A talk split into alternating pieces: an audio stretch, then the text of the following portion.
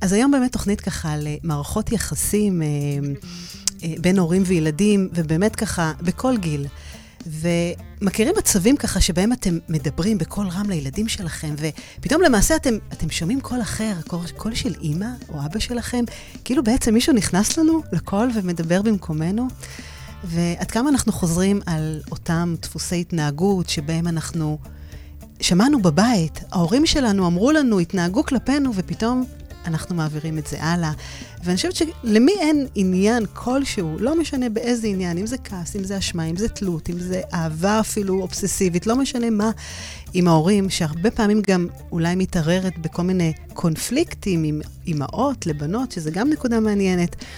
אז לשם כך, הזמנתי את uh, נוגה הילה מוטנה, שהיא מדריכת הורים ומשפחה, היא מנחת NLP, מטפלת הוליסטית לילדים שמתמחה בתקשורת, במערכות יחסים, כדי ש... אני חושבת כדי לתת לנו באמת ככה עוד נקודת מבט על הכוח של הסליחה, על הכוח של החמלה, על uh, איך אנחנו רואים את ההורים שלנו במבט לאחור. ואפילו במבט לקדימה, איך אנחנו לוקחים את זה לילדים שלנו, איך אנחנו עושים את החיבור הזה במסורת, שבאמת יהיה הרבה הרבה יותר נקי. וכמובן שנוכל לשחרר, לשחרר מה שצריך לשחרר. אז בוקר טוב, נוגה, מה שלומך? בסדר גמור, איזו הקדמה מדהימה. את יודעת, אמ, לפני יומיים בערך ככה, פגשתי חברה שהבת שלה נוסעת לחצי שנה אה, לארצות הברית, לשליחות וכולי, והיא אמרה ככה בקול כזה, גם אמרה את זה לבת שלה, אמרה לה, את יודעת, אני, אני מאוד שמחה שאת נוסעת, אבל יהיה לי קשה, יהיה לי קשה מאוד. והיא אומרת לי שהיא הרגישה כל כך לא נוח עם המשפט הזה, כי היא הסתכלה על הבת שלה, והיא ראתה שהיא נחנקת. והיא אמרה, יו, מה עשיתי? מה אני, אני, אני לא נורמלית. למה, למה הייתי צריכה להגיד לה דבר כזה? כמה רגשות אשמה עכשיו היא תרגיש? כאילו, מאיפה זה בא? ותוך כדי שהיא מספרת לי, היא אומרת לי, יו, אני לא מאמינה. אני זוכרת שגם אמא שלי הייתה עושה לי את זה. לגמרי. מכירה את זה? כן, השכפול דפוסים, מה שהזכרת, זה באמת אה, נקודה מאוד עמוקה, כי היא לא תמיד מודעת. אה, הרבה פעמים אה, אנחנו מבטיחים לעצמנו שאנחנו לא נהיה כמו ההורים שלנו, או לא נגיד משפטים מסוימים, ואיכשהו זה, זה כן אה, מחלחל ומגיע. מה, מהתת מודע זה כאילו כבר משהו שמושרש ופשוט יוצא לנו? כן, אה, בעצם כשאנחנו ילדים, אנחנו גדלים עם כל מיני ריקורדינגס, עם כל מיני הקלטות בראש שלנו, שזה כל מיני משפטים, אמירות, התנהגויות של ההורים שלנו, שאנחנו מקבלים אותם בהתחלה איך שהן, ואחר כך אנחנו גדלים ואנחנו מתבגרים, ואנחנו אומרים, אוקיי, כשאני הייתי ילדה, היה כך וכך, ואני רוצה שאצלי זה יהיה אחרת. Mm. עכשיו, חלק עובד, חלק פחות. הדברים שפחות עובדים זה בדרך כלל הנקודות שהן אה, לא מודעות, שנטמעות בנו באופן אוטומטי. ושם אנחנו צריכים לעשות איזושהי עבודת התבוננות. אה, ובאמת, אה, גם, גם בפרומו הקודם שעשית לה, לה, באמת לשידור הזה, את נגעת שם בנקודה של מי מדבר. האם... איזה קול זה? איזה קול זה? האם זאת אני או האם זאת אימא שלי?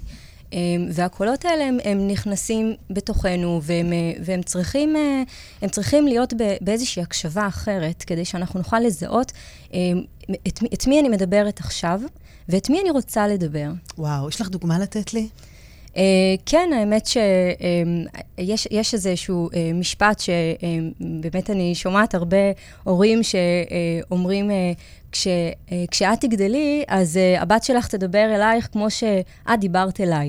עכשיו, זה נכון. נאמר בכל מיני uh, uh, הקשרים. נכון. Uh, לפעמים זה נאמר מתוך כעס, uh, אם בדיוק uh, הייתה איזושהי אמירה uh, חצופה, uh, ולפעמים uh, זה, זה נאמר בשעת כעס לרוב, uh, ו, וזה גם יכול מאוד לפגוע ב, בילדים, והם גם גדלים עם זה, ואז הם, הם גם מחכים לזה באמת uh, לראות מתי, מתי הדבר הזה... לשלוף את הקלף הזה ולהוציא אותו. מתי זה יקרה. Uh, והאמת ש... אה, שבאמת לפני כמה זמן אה, הבן שלי אמר לי איזה אה, מילה לא, לא נעימה כל כך, לא משהו קריטי, ואז אני, אני נזכרתי במשפט הזה ואמרתי לו, אתה יודע, שאתה תגדל, הילדים שלך יכולים להגיד לך את מה שאתה אמרת לי עכשיו. אבל, אבל אמרתי את זה קצת אחרת, אמרתי את זה... אתה יודע, גם כשאני הייתי ילדה, הייתי מדברת לא יפה לאימא שלי לפעמים. אמ, והנה, היא צדקה, זה באמת קרה לי גם עכשיו. אז בוא אתה תעצור את זה. אה, יפה. באתי אליו קצת אחרת, נכון. והוא, אמרתי לו, יש לך את היכולת לעצור את זה, אני כבר, אה, אין מה לעשות. אבוד, זה אבוד, זה כבר קרה. אבל בוא תלמד. וואי, זה יפה. זה כאילו לשים לו את המראה, אבל בכיוון אחר, שהוא באמת יכול להקשיב לה. כן. לא בכעס, לא ב... אלא להפך, במקום של חמלה, במקום הרבה יותר אה, נקי ויפה. וואי, זה יפה. תגידי, מה את? מה את זוכרת מהבית? איזה משפטים ככה שאת יודעת שאת לקחת אותם אה, מול הילדים שלך, כל מיני דפוסי התנהגות מהבית שלך? וואו, באמת אה, צריך להיזכר אה, הרבה אחורה. אה, בגלל שאני עושה המון עבודה עם עצמי, אז יש המון משפטים שכבר הוצאתי מהסיסטם, אה, ויש כאלה שאני דווקא משמרת. אה, אימא תמיד צודקת. זאת אומרת, אה, אה, האמת ש... אה, ש, שאימא אומרת שצריך לקחת מעיל, כי ירד גשם, אז, אז בסוף ירד גשם, ואימא תמיד צודקת ואימא תמיד יודעת. אוקיי, אוקיי, יפה. אלה, אלה משפטים, המשפטים האופטימיים שהם נורא מעצבנים בתור ילדים, כי נכון, זה נורא מעצבן שאימא תמיד צודקת, כי גם אני רוצה להיות. נכון, נכון. וואו, זה יפה, זה נכון, זה כל כך, זה כל כך מעניין. אני אומרת למי שמקשיב לנו, אני מזמינה אתכם באמת לחשוב על הדברים האלה, כי אנחנו הרבה פעמים רואים את הדברים האלה באוטומט, ואנחנו... יש לזה השלכה, יש לזה משמעות, יש לזה השפעה ב, בעיצוב של הילדים שלנו, בדפוסי התנהגות, באיך הם מגיעים, מגיבים לכל מיני סיטואציות. אז uh, אני אומרת ככה, נקודה למחשבה, תחשבו ככה על כל מיני משפטים, ויותר מזה, תתחילו להקשיב למה שאתם מוציאים מהפה, מהמילים האלה. את יודעת, זה, זה הרבה פעמים לא רק משפטים, גם uh, התנהגויות, זה מאכלים, זה, זה הרבה דברים שאנחנו ממשיכים קדימה. את יודעת, אחת התמונות שאני תמיד רואה אצלי בבית, אני זוכרת שכילדה, uh, תמיד ככה בחודשי הקיץ, שהייתי נכנסת לבית בחיפה, כזה היה על, ה, על השולחן ב, בסלון קערה ענקית ענקית של כל הפירות שיש עכשיו ב, ב, בירקן. וזה היה כזה קערה ענקית ענקית, ותמיד התמונה הזאת הייתה זכורה לי. אני זוכרת שגם בתור ילדה אמרתי, תמיד כשיגיע הקיץ, אני גם כן רוצה את הקערה הזאת. אז אני אומרת, וזה, וזה קיים, הנה, תמיד ככה, את נכנסים, אז יש כזה קערה עם מלא עם אפרסקים וענבים והשסק וכל מה שצריך להיות שם. וזה גם, אני אומרת, זה דברים קטנים וגדולים, זה לא רק המשפטים, אבל זה דברים גם שהם... הם מאוד יפים, כי הם שומרים על המסורת, וממשיכים את, ה, את השושלת שלנו ואת ה, באמת אה, קדימה, את המשפחתיות. אה, אבל אנחנו דווקא מדברים פה על הדברים שפחות, אה, ש, שדי מעכבים אותנו, ולוקחים אותנו באמת לכל מיני כיוונים uh, כאלה וכאלה. אז תגידי, נוגה, למה? למה אנחנו כועסים על ההורים שלנו? למה לכל אחד יש איזה אישיו, יש איזה עניין עם ההורים שלו בצורה כזו או אחרת? וגם מי שעכשיו יגיד לי, לא, הכל בסדר, אני ככה. אפשר להוריד את, ה, את היד ככה מתחת לעין ולהגיד, רגע, שנייה, תמיד תמיד יש משהו. למה יש לנו עניין עם ההורים שלנו? אז uh, תראי, כשאנחנו ילדים, אז uh, אנחנו חווים את, ה, את הכעסים על ההורים ממקום של, uh, של אני מבקשת משהו ואומרים לי לא. Mm. אבל כשאני גדלה, אני בעצם, יש לי איזושהי תמונת מציאות מסוימת, שאני מבינה על בסיס מה שההורים שלי שידרו לי, שזו המציאות. יש אפילו איזושהי תפיסה נחמדה כזאת, שההורים שלנו הם מושלמים וגיבורים, וגם אנחנו. ופתאום אנחנו גדלים ואנחנו מבינים שהמציאות היא לא בדיוק איך שחשבנו, ואנחנו, כשאנחנו יוצאים לחופשי, ואנחנו צריכים, צריכים להתחיל להתנהל עם, עם כל מיני סיטואציות חברתיות, אה, פתאום אנחנו מתמודדים עם שאלה, מאיפה אני מביאה ביטחון עצמי? ואיך, אה, ו, ו, ו, ופתאום אה, לא אמרו לי מספיק ש, או תמיד אמרו לי ש. וכל מיני משפטים שהם באמת יכולים לעכב אותנו. אימא שלי אף פעם, לא אימא שלי, כן, אימא שלי תמיד אמרה לי משפטים כמה... משפטים כאלה, משפטים, כן. לא אימא שלי, אבל משפטים כמו, אימא שלי אף פעם לא אמרה לי שאני יפה. או אימא שלי אף פעם לא אמרה לי כמה אני אה, מצליחה. או, או אם יש אחים, אז אולי לפעמים אמרו לאח אחד ולאח אחר לא. ואז בעצם הילד גדל אה, או עם כעס כבר מילדות, אבל הוא יותר כועס כשהוא פוגש את זה בחיים הבוגרים שלו. אה, וכשאנחנו הופכים להיות הורים, או אפילו לפני, כשאנחנו מתמודדים עם uh, למצוא זוגיות. אף אחד לא אמר לנו שזה קשה. Uh, נכנסים למינוס, אף אחד לא הסביר לנו שניהול פיננסי זה, זה דבר שצריך ללמוד אותו. Mm. או, או כמה קשה זה uh, הלימודים, או, או הזוגיות, או, או, או להיות הורה, או לנהל את כל, ה, את כל המערכת הזאת אז ביחד. אז זה בעצם מה שאת אומרת, שבעצם יש לנו ציפייה מאוד גדולה מההורים שלנו, שבעצם ילמדו אותנו הכל, ואז, וזה הרי בלתי אפשרי, בואי, זה, נכון. זה לא, זה, אני אומרת רק ברמה התפיסתית, התחושתית, יש לנו ציפייה שהם באמת יכינו אותנו לחיים. ובוא, זה לא תמיד, זה אפילו אף פעם לא קורה כמו שאנחנו רוצים, כי המציאות הרי היא גדולה עלינו, ויש הרבה דברים שלא מלמדים אותנו. לא בבית, לא בבית ספר, לא מלמדים אותנו איך לבקש סליחה, למשל. נכון, אז כן, אז אה, גם אנחנו... אנחנו לומדים גם המון, כמו שאמר, דרך המעשים. אה, אם אני אה, רגילה, אני למשל אה, תמיד תפסתי את אימא שלי כאדם מאוד חרוץ. זאת אומרת, תמיד עובדת המון ו- ומסורה מאוד לעבודה, ואני יודעת שלקחתי את הדבר הזה ממנה וגם מאבא שלי, אבל, אבל לא תיארו לי כמה זה קשה, כמה זה קשה לשלב, כמה אפשר לשקוע לתוך עבודה, ואיפה הזוגיות נכנסת, ואיפה הילדים נכנסים, ואיפה הזמן שלי. זה לא דברים שמדוברים. אני כן יכולה לקחת ערכים כמו מסירות, חריצות, מוסר עבודה, אבל רגע, איך אני משלבת את זה? ו- ואני באמת, כש- כש- כשהופכים להיות הורים, אז פתאום אה, לא רק העברת המסרים הזאת, אלא גם פתאום... אה, כשאני אומרת איזשהו משפט לאחד הילדים שלי שאמרו לי, אז, אה, ואני לא רוצה של, להגיד אותו, אז אני גם יכולה אה, לכעוס גם עליי וגם על אימא שלי. Hmm. איך היא אמרה לי משפט כזה? או למה אני אומרת את המשפט הזה, ואיך מנתקים את זה ממני? וואו, וואו. אבל את יודעת, זה בלתי אפשרי. כאילו, איך אנחנו יכולים באמת להכין אותם, את ילדינו, ל, ל, לעולם הגדול? זאת אומרת, אנחנו תמיד ניפול פה ב, בעניין הזה. ככה, אה, כמדריכת הורים, אני עכשיו אדבר בכובע הזה, אה, באמת התפקיד העיקרי שלנו זה להכין את הילדים שלנו לעולם, למציאות. כמה שאפשר, כמה כן. שאפשר. אנחנו לא יכולים אה, לצפות סיטואציות, וגם טוב שכך, כי אז אנחנו בעצם לא נותנים לדברים להתפתח. מה שכן, אנחנו יכולים לתת כלים. כלים להתמודד בסיטואציות חברתיות, כלים להתמודד עם סיטואציות בין-אישיות. כלים לשלב את הדברים, או, או כלים לאמפתיה, או לחמלה, או לתמיכה. אלה דברים שאנחנו יכולים לתת. אמ, וכן, הכלי הכי חשוב זה לדעת שהם הם, הם מסוגלים, ולהאמין בהם, שהם יאמינו בעצמם. נכון, נכון, לגמרי. למרות שאת יודעת, זה הרבה פעמים, רק כשקורה משהו, אז אנחנו בעצם עומדים מול האש ומתמודדים איתה. זאת אומרת, אם הכל בסדר והכל על מנוח, מנוחות פחות או יותר, אז את יודעת, אז עוברים עוד שנה ועוד שנה, עד שפתאום הילדים כבר גדלים, ואז פתאום דברים אחרים וכולי וכולי. אז אני אומרת שזה באמת ככה נקודה יפה למחשבה שלא לא צריך לחכות לעניינים, של, לסטירת לחי הזאת שפתאום תעורר אותנו. זאת אומרת, הרבה פעמים אפשר להציף את זה בדברים יומיומיים. לגמרי. זה, זה הדברים הקטנים שפשוט תקשיבו, תקשיבו ל, לילדים שלכם, ו, וכל, אני אומרת, כל דבר שקורה הוא הזדמנות בעצם אה, לה, להעביר את, ה, את המסרים האלה בצורה, כמו שאת אמרת קודם, מאוד מאוד יפה, המראה הזאתי. המראה, אבל, אבל אחרת. אני, אני טעיתי, אני כבר אבוד לי, אבל אתה, אתה יכול לתקן את זה. פתאום הוא מרגיש, מלך העולם, איזה אחריות יש בידיו.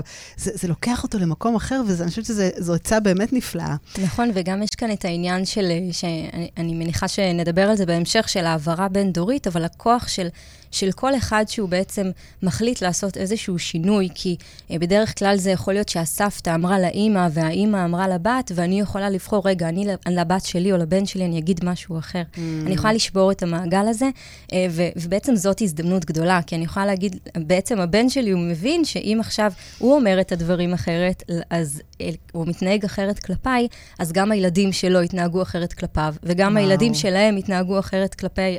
הוא מבין שיש כאן איזושהי העברה בין-דורית של התנהגות ודפוסים. וואי, ואחריות כזאת. את יודעת, זה מדהים, כי... בכל תוכנית הנושא הזה עולה בהקשרים אחרים, הנושא של התגובה האוטומטית. היכולת שלנו להתאפק. אני מדברת על זה הרבה בנושא של, אה, של כעסים, כמה אנחנו מגיבים על אוטומט מבחינה רגשית וכולי, ופה אני מחברת את זה למה שאת אמרת. רגע, שנייה, תעצרו. אל תדברו ישר, תחשבו על מה שאתם אומרים, בטח שבטח מול הילדים שיש לזה השפעה מטורפת. התגובה האוטומטית הזאת, הלספור עד עשר רגע לפני שאנחנו אומרים, ואז כמו שאת אומרת, להקשיב, זה הקול של אימא, זה הקול של אבא, זה הקול שלי, אני, אני לא חייבת, אני יכולה לשנות אותו, וזה, וזה מדהים הנקודה הזאת. תגידי, מתי זה מתגב, מתב, מתגבר, הכעסים האלה, הדפוסים האלה, המקום הזה שיש איזה אמ, גיל מסוים שפתאום את, את כמדריכת הורים מרגישה שהדברים האלה צפים יותר? בעיקר בהורות.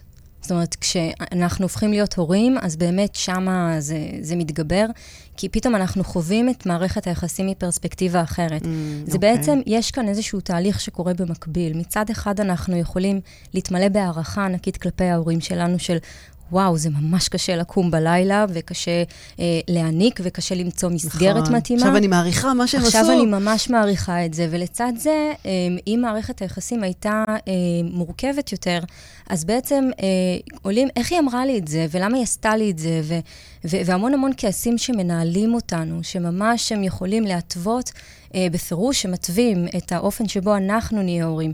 עכשיו, או שזה מגיע ממקום של בדיוק ההפך, ואז זה קצת דווקא, אני אראה לה. אני אראה לה שאני יכולה לעשות את זה יותר טוב מהמקום הזה. נקמה. אה, כזה. סוג של. והמקום הזה הוא... הוא, הוא גם אה, אמביוולנטי, כי מצד אחד כל, אה, כל הורה רוצה למצוא את, ה, את האני שלו, את ההורה שהוא. אבל השאלה מה המקור המניע. האם, האם המקור המניע זה להראות לה, או האם המקור המניע זה באמת המקום הטהור הזה שמתבונן ויודע לייצר את הספרציה, את ההפרדה הזאת בין מי אימא שלי ומי אני רוצה להיות. איזה אימא אני רוצה להיות פה. וואו.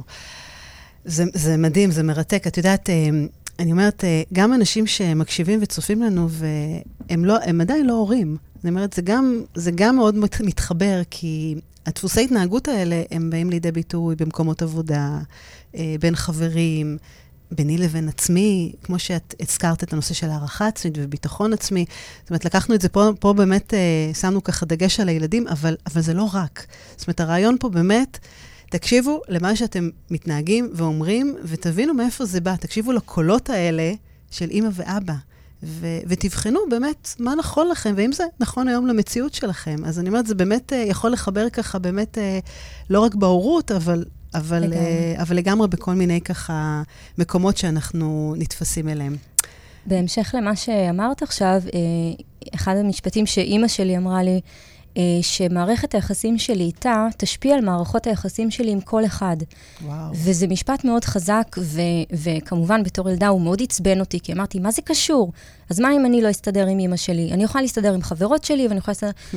ו- ו- והיא כל כך צודקת, כי uh, האופן שבו אני uh, מנהלת את הקשר שלי uh, עם אימא שלי ישפיע לא רק על הקשר שלי איתה באופן דיאדי, אלא באופן אה, אה, ישיר מול כל מערכות היחסים בחיי. כמו שאת הזכרת, אה, בלי קשר להיותנו הורים אה, במקומות העבודה, איך, אני, איך, איך תפיסת המציאות שלי בעצם מושפעת מהקשר שלי עם ההורים שלי, אה, זה ישפיע בהכרח על כל המעגלים בחיים שלי. וואו, ואת מדברת יותר על אימא? על חיבור עם אימא או גם מאבא? זאת אומרת, איך זה באמת בא לידי ביטוי? אז, אז, אה, אז אני אה, גדלתי בבית אה, עם אימא, ההורים שלי התגרשו עוד לפני שהייתי בת שלוש. הקשר שלי עם אבא שלי מאוד מאוד חזק. למדתי לנהל אותו מרחוק, למרות שהוא ביקר הרבה והגיע הרבה, אבל בחוויית הילדות שלי זה אף פעם לא הספיק. ובאמת, נסיעות ארוכות, שעה לכל כיוון, ו- ובאמת בהתמדה ומסירות הוא היה נוכח.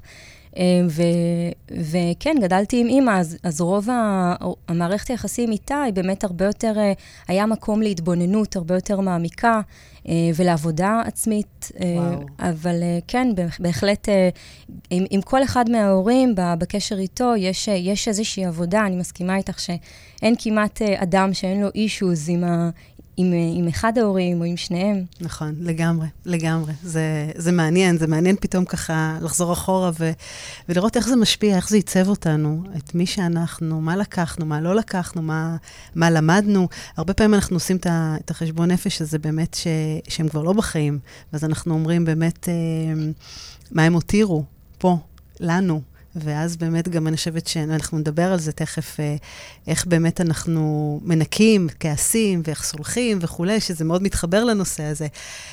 אני אה, רציתי להקריא אה, שיר קצר, שהוא מתקשר באמת לחלק הראשון שדיברנו עליו, הוא נקרא שתיהן אני, של מיטל חודורקובסקי. ילדה ואישה, שתיהן אני, מתחרות בריצה אל ההורים. אחת, לסגור, לסגור חשבונות שנרדמו. השנייה, לאחוז בשרוולם, טרם ייעלמו. Hmm. זה שיר uh, מקסים שאחותי uh, ככה, בהמשך לשידור uh, שלחה לי, uh, שהוא ממש uh, מדבר על הדיאלוג הפנימי שיש uh, בין החלק של לשמוע את אימא שלי לבין החלק שמדבר אותי. וואו. שתיהן אני. נכון, ואנחנו הרבה פעמים חושבים שיש פער, אבל הוא לא באמת. הוא מתקשר, הוא מתכתב. כן, הוא, הוא מתחבר, כמו שאת אומרת, זה וואו, זה מדהים.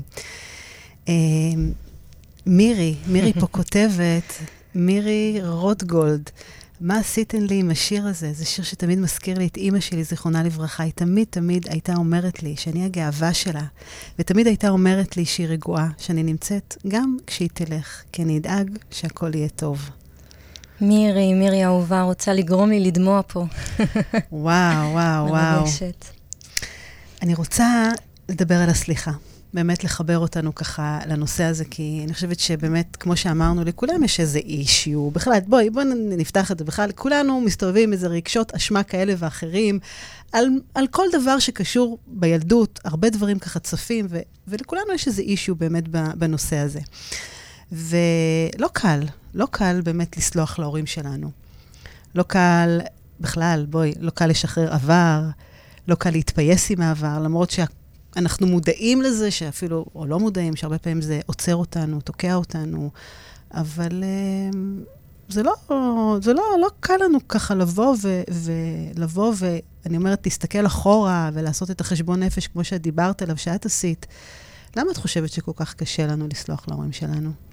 קשה לנו לסלוח להורים שלנו, כי ככל הנראה גם קשה לנו קצת לסלוח לעצמנו. Hmm.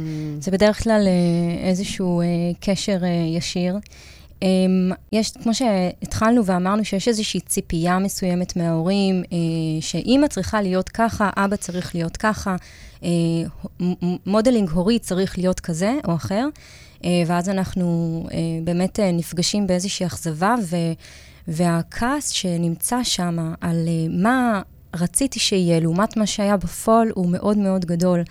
אה, ואני חושבת שברגע שאנחנו מתחילים לקחת אחריות על החיים שלנו ומבינים שיש פג תוקף לכעס, אה, ושההורים שלנו באמת עשו כמיטב יכולתם ברגע הנתון, בדיוק כמו שההורים שלהם עשו, ובדיוק כמו שאנחנו אה, נעשה או עושים, אז החמלה יכולה להתקיים. היא יכולה להתקיים באמת במרחב שלא לא מוותר על, ה, על הכעס שהיה באותו הרגע, כי באותו הרגע אה, הוא היה נכון, הוא היה מוצדק, ואם אני ממשיכה לגרור אותו, ככל הנראה שהוא בא לשרת משהו, mm. הוא בא להצדיק משהו, ו- ואני באמת מזמינה, מזמינה את כולנו לשאול, מה הכעס הזה בא לשרת?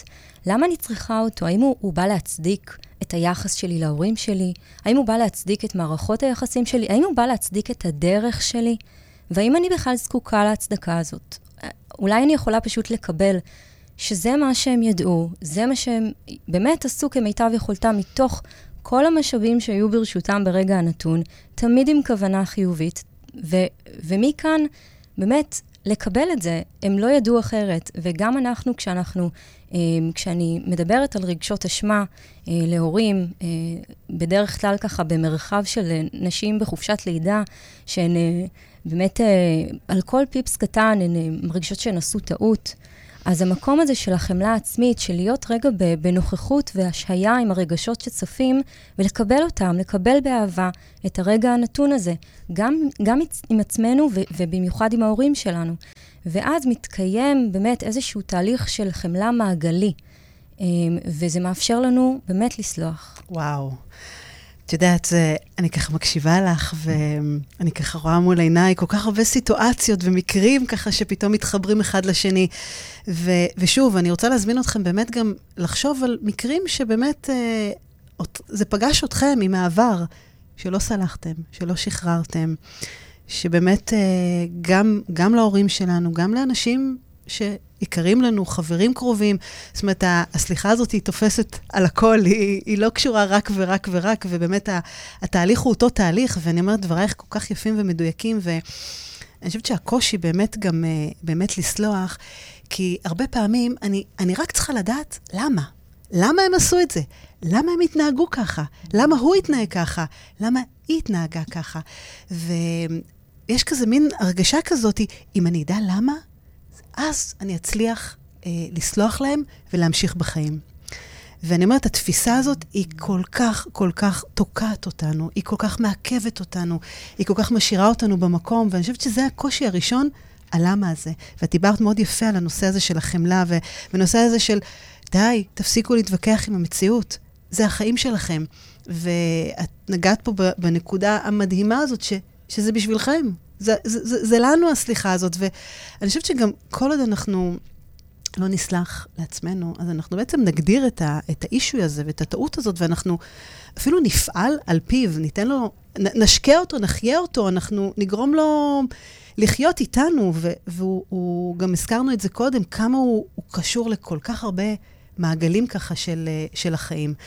אבל את יודעת, זה, אני אומרת, דיבורים לחוד ומעשים לחוד, ו, ובאמת אנחנו מדברות מאוד מאוד יפה, ו, ונכון, והגיוני, ובאמת משפטים נפלאים, אפשר פה ככה לקחת את זה ולצטט. ובכל זאת, את יודעת, ואני מניחה שגם את כ... כ כמנחת הורים וכמי שבאמת חווה את הדברים האלה ונתקלת באמת בכעסים ובאשמה ובבושה ובדברים, אני אומרת, מכל העוצמות האפשרויות, האפשריות, זה לא קל. נכון. את יודעת, יש... אמ, אבל אני, אני מנסה ככה לחבר את זה לכל מיני מקרים. מה תגידי לאימא שיש לה בן בן 40, כן? שלא תגידי ילד קטן, והוא עד היום לא סולח לה על משהו שהיא עשתה לו, שמבחינתו הרסה לו את החיים, והוא לא מתקדם, והוא מת, מתעכב, ו, ועדיין, הוא שם, והוא לא מוכן. עכשיו, כל הדברים ההגיוניים, את יודעת, זה הרציונל שלנו, זה לא נוגע לנו פה. ואני אומרת שאיך איך, איך את רואה את הדברים האלה בצורה כזאת? אז, אה, אז זו באמת שאלה מאוד מעניינת, וגם אה, נתקלתי בהדרכת הורים אה, בין אימא לבת בגילאים שאת מתארת. ובאמת, המקום הזה שמי שצריך לעשות את העבודה זה אותו ילד בן 40. אני בכוונה אומרת ילד, כי הקול הילדי שלנו הרבה פעמים מנחה אותנו, ושאלת הלמה mm. היא באמת מנהלת אותנו הרבה פעמים, והיא לא מקדמת אותנו, אבל כמו שהזכרנו קודם, זה ככל הנראה משרת. זה עונה על איזשהו צורך, יש שם איזשהו רווח משני אה, שהוא מחזיק אה, ככל הנראה, כי, כי זה, זה פשוט מבחינתו מקדם אותו. אה, ובעצם אה, ברגע ש, אה, שאדם מחליט לעשות איזשהו צעד שהוא אומר, אוקיי, די, זה לא, זה לא עוזר לי יותר. אני הגעתי לנקודה שאני מרגיש שזה מפריע לי, אז הוא בעצם מוכן ובשל לתהליך. אני לא חושבת שאפשר להתחיל תהליך של סליחה אם אין איזושהי מוכנות אה, באמת אה, להקשיב ולקבל, אה, ש- שזו הייתה המציאות וזה היה מיטב יכולתה של האימא שלו. וזה באמת, התהליך הוא לא לנסות להוכיח את הצד השני שהוא טעה, אלא לקבל את הטעות הזאת כ- כדרך וכיוון של חיים שפשוט הלכו והתפתחו, כשנקודת המוצא היא כן הייתה להיטיב. זה מדהים, כי זה בעצם לוותר. לוותר פה על תחושת הנקמה, הכעס, ו- ולראות את הדברים אחרת. ו- וכמו שאמרנו, להבין שזה אנחנו, אנחנו פוגעים בעצמנו בסופו של דבר. ויש פה משהו, אני חושבת, מאוד יפה, כי, כי באמת um, המודעות הזאת, ושוב אני חוזרת, אל תחכו לסטירת לחי שתעיר אתכם. הרבה פעמים אנחנו מתעוררים ו- ו- וכבר... too late. too late, בדיוק, ו- וזה משהו שכל כך עצוב, כי את יודעת, אני, אני לא סתם אומרת סליחה יומיומית. כי באמת ביום-יום, ואם אנחנו, אני אומרת, נתיב וניקח את הדברים הקטנים מול הילדים שלנו, בעבודה, ב- ב- בין חברים, ונעשה את החשבון נפש הקטן, אז אני, אני חושבת שאנחנו נפתח כבר את הכלים ואת הכישורים ואת הדפוסי התנהגות שכבר יהיה לנו הרבה יותר חמלה, שאם באמת יש דברים יותר עוצמתיים, אנחנו נצליח לאבד אותם בעין ולא לאבד אותם באלף בסופו של דבר. אה, ואת אמרת את זה מאוד יפה, זה, זה המודעות. קודם כל, אתה, אתה צריך לרצות, אתה צריך להבין פה שהמאזניים הם שלך, ואתה מחליט איפה, איפה אתה שם פה את, ה, את המשקולת, ו, ולאן... לאן הולכים קדימה. נכון, וזה באמת מתחבר לנקודה ש, שאנחנו סולחים להורים שלנו אה, ביום שבו אנחנו מתחילים לקחת אחריות על החיים שלנו, ואנחנו מבינים שאנחנו לא יכולים להמשיך להישען על מה עשו לי ומה אמרו לי, ושזה פג תוקף, שזה mm. כבר לא רלוונטי, ואני בעצם צריכה אה, להתבונן על זה אחרת בפרספקטיבה של הזמן, ו- ולהגיד, אוקיי, אני רגע עושה עכשיו הפרדה, זה מה שהיה, איך אני מתקדמת מכאן? איך זה משפיע על מערכות היחסים בחיי? איך זה משפיע על מערכת היחסים שלי עם עצמי? כמה זה מעיב עליי, ו- או כמה זה מחיה אותי. יש בזה ככל הנראה משהו שהוא נורא נוח. בטח. להישען על, על, על, על הלמה ועשו נכון. לי. ו... הנה, את אמרת, זה הרי יושב על משהו, אני, אני מרוויח מזה משהו, כמו שילד שעושה איזה, איזה משהו שהוא לא, לא מוצא חן בעיני, בעינינו, זה הרבה פעמים התשומת לב שהוא מחפש, והוא רק מנער אותנו, שנפקח את העיניים. והוא מבקש, תראו אותי, אני בדיוק, כאן. בדיוק, בדיוק. אז אני אומרת, אנחנו כמבוגרים, הרבה פעמים גם כן משתמשים איכשהו בכלי הזה, של אכלו לי, שתו לי, אז, אז, אז אני קורבן פה, פה לעניין הזה, ואז באמת זה, זה דברים שצפים. נכון, אני מספר לעצמי איזשהו סיפור שנוח לי איתו. ולפעמים צריך לשנות גרסה, ולעשות איזשהו reframing, להסתכל על, ה, על התמונה קצת, קצת אחרת, מזווית שונה, גבוהה יותר, אה, ואז בעצם התובנות מתחילות לצוף, אבל זה באמת דורש איזושהי מוכנות ובשלות בכלל להיות שם. וואו, זה כן. ואת אמרת משהו קודם מאוד יפה, שבעצם אה, זה להפסיק להסתכל עליהם, על האחרים, על ה- להאשים ולהגיד, ולקחת את המצלמה ולקחת אותה לסלפי, עלינו, לגמרי. להתבונן בנו. איפה, איך את אמרת את זה מאוד יפה. מה, מה, מה זה עושה לי? איפה זה פוגש אותי בחיים? איפה זה תוקע אותי? איפה זה מתסכל אותי? למי הפכתי בעקבות זה? יכול להיות שבאמת, התחז... מן הסתם, גם כן התחזקתי וגם נחלשתי. ושוב, הכל, אני אומרת בצורה מודעת, ואם יש דברים שאתם אוהבים בכם כתוצאה מאותו, מאותו כעס או משבר או כל דבר שחוויתם, אז תשאירו. אבל אם יש משהו שאתם לא מרגישים נוח איתו, אז, אז אל, תס, אל תדחיקו, אל תשימו, תטאטאו את זה מתחת לשטיח, או תג, תעבירו את היום ואת השגרה, כי זה הכי הכי פשוט בעולם. אה, כי המפלצות האלה מתעוררות כל הזמן. הן אה, באמת ככה מנמנמות, מנמנמות איתנו בחיים, עד שבאמת הרבה פעמים הן אה, מתערערות, ו- ואז זה, זה לא קל. זה, זה נכון, זה באמת שם. אה, ועוד נקודה ככה, באמת בנושא של הסליחה, שאני פוגשת אותה הרבה, ומעניין אותי גם לשמוע אותך, אה, גם אם אנחנו כועסים על הורים, ויש לנו איזה עניין איתם, והם הם כבר לא בחיים, עדיין אפשר פה לעשות closure, עדיין אפשר לזכור את זה. מכירה את הסיפורים האלה? בהחלט. כן? כן, על תהליכים של סליחה עם אדם שכבר לא נמצא איתנו, אה, וכאן אה, הדגש הוא על הורים. אה, בעצם אנחנו צריכים להבין שדיאלוג הסליחה הוא מתקיים קודם כל בתוכנו. זה איזושהי הצפה של הדברים והתבוננות מחדש על הסיטואציות, ומבלי לוותר על הכעס שהיה נוכח באותו רגע נתון, בגיל הזה, בסיטואציה מסוימת. הכעס, אה, כבודו במקומו מונח, אה, אבל היום כשאני אה, בוגרת יותר ואני יכולה לראות את הדברים אחרת, אז יש לי איזושהי יכולת ואפילו כוח אה, לסלוח נכון. לאדם, וגם, וגם לבקש את הסליחה, אבל הסליחה היא קודם כל עבורי. אה, יש איזשהו אה, אה, סיפור מקסים על, אה, אה, על ילדה שהלכה לבקר את אימא שלה בבית, בבית אבות, והאימא כבר לא זיהתה אותה יותר, ו, ושאלו אותה, למה את ממשיכה ללכת? אז היא אומרת, אני, אני הולכת כי אני כן זוכרת, Hmm. אני כן יודעת. אז, אז זה מה שחשוב, שאני יודעת ש, שסלחתי וואו. וואו. לאדם שלא נוכח כאן, זה משחרר אותי ואותו, וזה אפילו משפיע על דורות קדימה ודורות אחורה, אה, מבחינת העברה בין-דורית ורגשות בין-דוריים וסליחה בין-דורית שעוברת, כי לפעמים אנחנו מחזיקים שם משהו ממש ברמה האנרגטית, ש, שחשוב שנשחרר, אה, ואני בטוחה שזה גם ממש ישפר את איכות החיים שלנו, כי, כי זה משהו שאנחנו סוחבים אותו. וואו, ממש ככה. ובאמת לא, אני חושבת שכל עוד אנחנו לא נתפס עם העבר שלנו, אז אנחנו לא נוכל למצוא את העתיד שלנו. וזה, זה שוב, זה, זה לא, לא לשכוח דברים, זה פשוט לשים אותם בצד הדרך ולהבין שזה קודם כל בשבילכם, בשבילי, בשבילך, בשבילך, בשבילכם, בשביל כל אחד, כדי שאנחנו נוכל לצמוח ולהתפתח. ואני חושבת שאם אני יכולה לתת עצה קטנה, באמת, איך להתחיל את הדבר הזה, באמת, הצעד הכי הכי קטן, הוא לא כזה קטן, הוא גדול מאוד, אה, כשאנחנו נפגענו מאדם יקר, אה, מאימא, מאבא, באמת בן זוג, בת זוג, לא משנה מה, באמת אה, חבר, חברה. אז אני אומרת שאחד הדברים שאני תמיד אה, מציעה זה לכתוב. זה, זה להוציא את הדברים על כתב. ואני עוד לא מדברת על המכתב סליחה, זה כבר, זה משהו שהוא בהמשך התהליך, אבל אני חושבת שהצעד הראשון זה לתאר את מה שקרה בשלוש אה, נקודות אה, מבט. מקסים. והנקודת מבט הראשונה זה קודם כל שלכם. תוציאו, תוציאו את כל הרעל, תוציאו את מה שיש לכם. כמו, ושוב, זה בשבילכם, ולא לסנן דברים, להוציא ולהוציא ולשפוך את זה. והנקודת מבט השנייה זה של האדם שפגע בכם. ונקודת המבט השלישית, תדמיינו, איך את אמרת, reframing, לעלות לאיזה מרפסת דמיונית.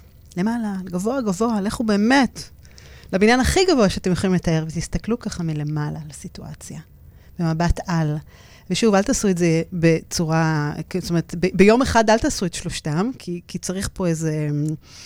קצת restart לראש כדי לנקות ו- ו- ולהכיל את כל, ה- את כל מה ש- שכתוב על הדף, אבל כשאתם מסתכלים על, ה- על הסיטואציה ככה ממבט מלמעלה, יש דברים שאתם יכולים לראות אחרת. ואפילו יותר מזה, אני חושבת שיש דברים שגם אנחנו מפחדים או פחדנו לראות אותם, אבל פתאום כשזה בא על הנייר והעט סוחב אותנו, ועדיף נייר מאשר מקלדת, אמ, זה נותן לנו פתאום להתעורר.